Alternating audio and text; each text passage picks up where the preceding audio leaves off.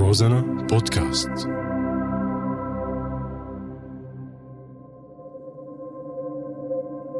أكيد تعرضت للعنف يعني ما بين بين أهلي وبين أهل جوزي إنه ما يصير أقعد لحالي يعني.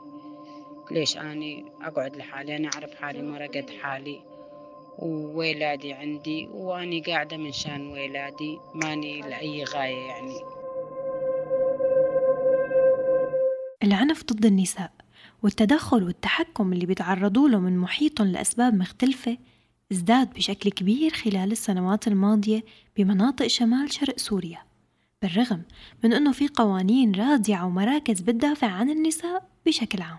سوء الوضع المعيشي وعدم قدرة النساء على أنهم يلاقوا فرصة عمل مناسبة سبب رئيسي كمان بيوقف بوجه استقلالهم المادي واعتمادهم على أنفسهم.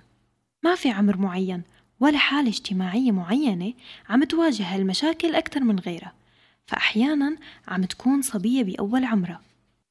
وأحيانا سيدة متزوجة وعندها أولاد وأحيانا مسنة. حلقة جديدة من بودكاست شو الحل؟ من إعداد نور الأحمد وصوتي أنا أسمى منير.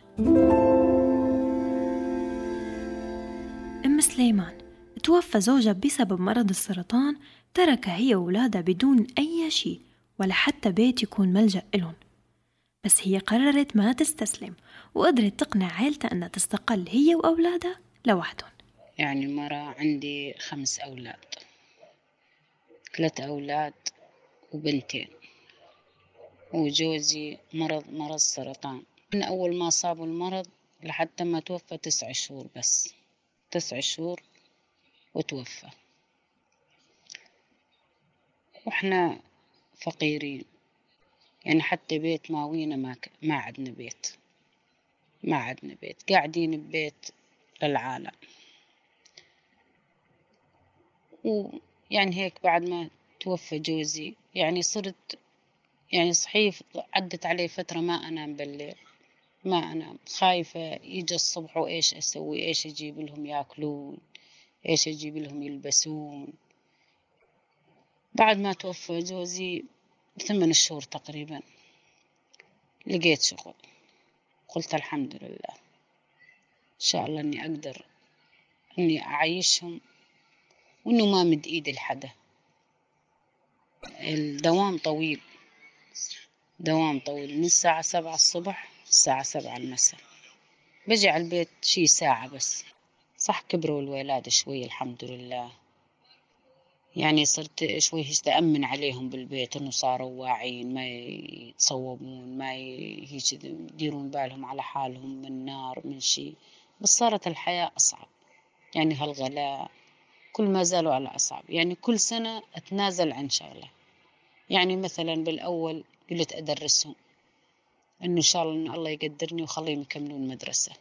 أظل أشتغل قدامهم على ما يعني يخلصون المدرسة. بس صرت يعني كل سنة ما ما عاد أقدر يعني ما أقدر أخليهم إنه يكملون مدارس.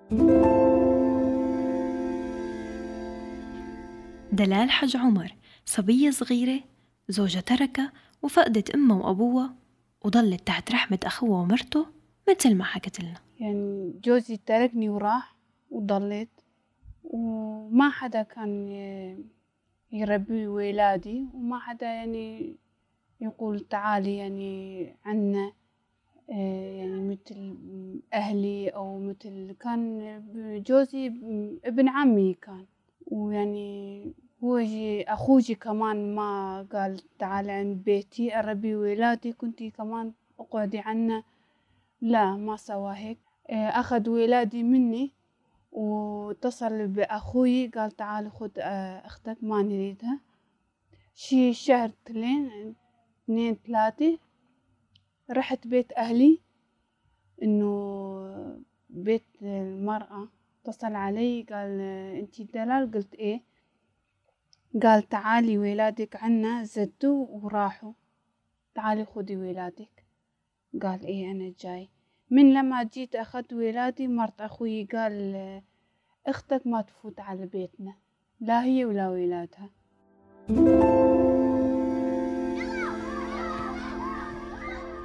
ما استسلمت دلال. حاولت تلاقي حلول لتقدر تستقل بحياتها. سمعت عن مكان اسمه قرية المرأة. قررت تاخد بناتها وتعيش هنيك.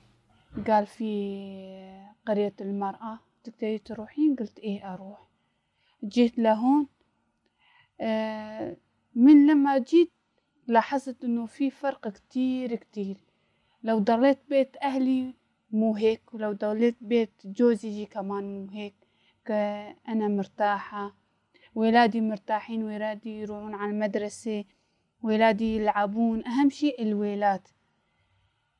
يعني صحيح ما شفنا طفولتنا وكان في ألعاب وهيك شي بس ولاد ولادي كان من لما ما أجي لهون لا راحوا على مدرسة ولا كان يلعبون ولا غير الدرب والشغل. يعني إيش لازم لك؟ يعني طلبات أي شي يعطيك إياه تروحين على السوق تمرضين تروحين في المستشفى هون. إذا ما في دواء هين تروحين على البلد. أروح على الحسكة يعني كامل حرية يعني كنت ببيت جوزي يجي كمان مو هيك. كأنا إيزيدية هون مرتاحة يعني ما يفرقون ولا هي إيزيدية خليها يبعد يعني ولا هي عربية خليها لا. يعني مشاركة كويسة يعني ما يفكرون يعني إن إحنا مختلفين عوايدنا وتقاليدنا يعني يقول هيك يعني مو تقاليدنا يعني مثلا ما أحب هيك شغلة ما يسوون. نعم. إيه يعني أنا مثل بيت أهلي يعني مثل يعني ولادي بيت أهلي يعني. آلاء إبراهيم عضو بدار المرأة بالحسكة. حكت لنا عن حالات العنف يلي عم تجي لعندهم على الدار وشو هي الحلول المطروحة من قبلهم. نعرف أن المرأة بتتعرض لشتى أنواع العنف. فهون آه، التوعية تكون مثل ما قلنا أنه من قبل مجموعة آه، يعني مهمتها آه، توعية مثلا النساء توعية الرجال بخصوص العنف أو مواضيع عدة. طبعا هون نحن بشكل غير مباشر آه إنه إن نوعي الشخص اللي عم يعنف البنت أو يعنف الفتاة أو يعنف الامرأة وكمان آه إن آه نبين أو نوضح إنه القانون القانون اللي يمشي على الشخص اللي مثلا راح يعنف البنت. هلأ نحن بنعرف إنه الإجراء القانوني مثلا للضرب تعتبر هاي دعاوي جزائية. الدعاوي الجزائية فيها محاسبة قانونية وفيها غرامة مالية وفيها حبس. فهون كمان نحن نوعي الشخص أو نوعي العائلة أو نوعي المجتمع بأنه في عقوبة أو في قانون بده يمشي على الكل ممكن الشخص اللي عم يعنف بده يتعاقب. آه، آه، إذا في حال مثلا إجت البنت وقدمت شكوى رسمية هلأ إذا في حال قدمت شكوى رسمية نحن نستدعي الشخص اللي عم يمارس العنف نشوف إيش هي المشكلة إيش اللي صاير بيناتهم نوقف على هذا الموضوع نحاول حل المشكلة عن طريق في إجراءات قانونية أول شيء. طبعا التوعيه تكون ضمن دار المرأة.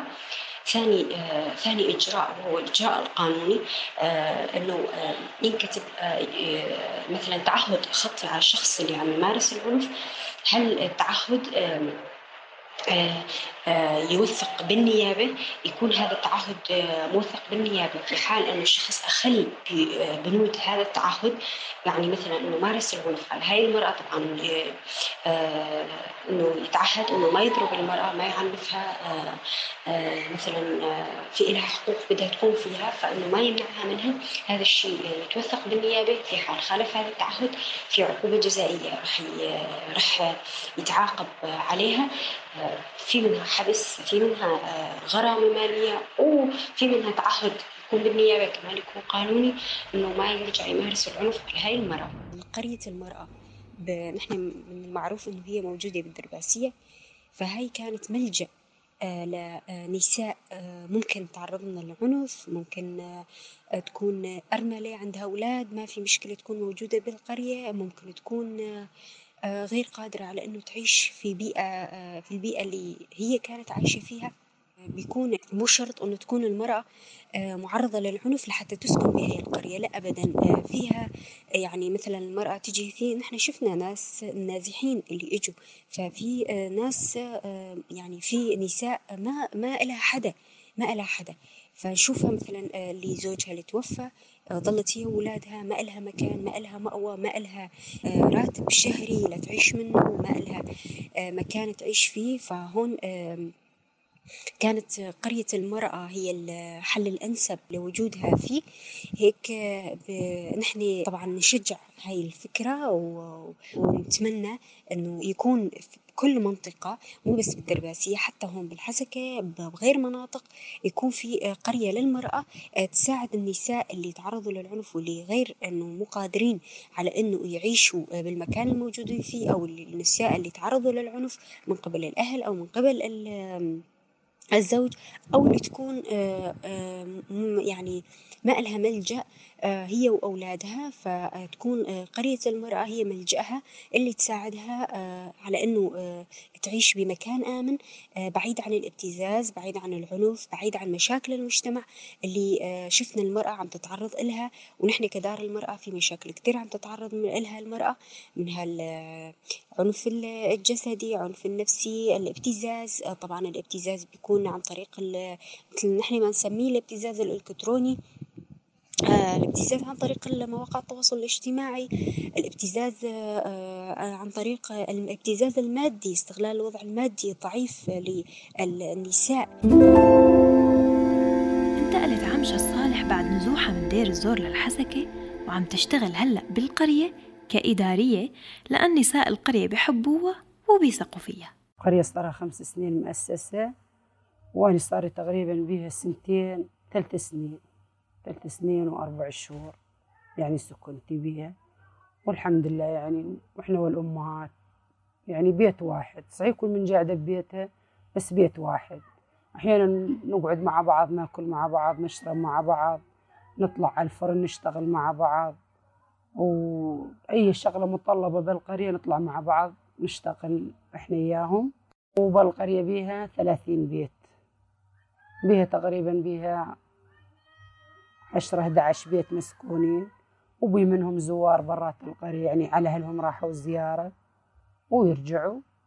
وبي عدد البيوت بي عدد بيوت بيها مثلا غرفتين مطبخ بحمام إيه هذا موجودات وبي بيوت بيها ثلاث غرف وزادوا مطبخ نفس الصالونين.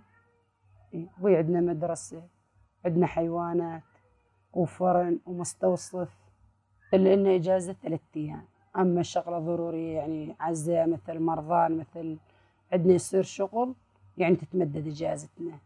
أما تقييد ما بي بالقرية تقييد. يطلعوا على الدرباسية يطلعوا على الحسكة زيارة مثل على مرضان دكتور. ما بي يعني مانع. وبي شفارية مثل شفار يودي ويجيب شفارية بالقرية. دار المرأة بالحسكة. عم تحاول تساعد النساء وتوقف معهم. وممكن أي صبية أو أي سيدة عم تتعرض للعنف تلجأ لهم. وأكيد بيقدروا يساعدوها.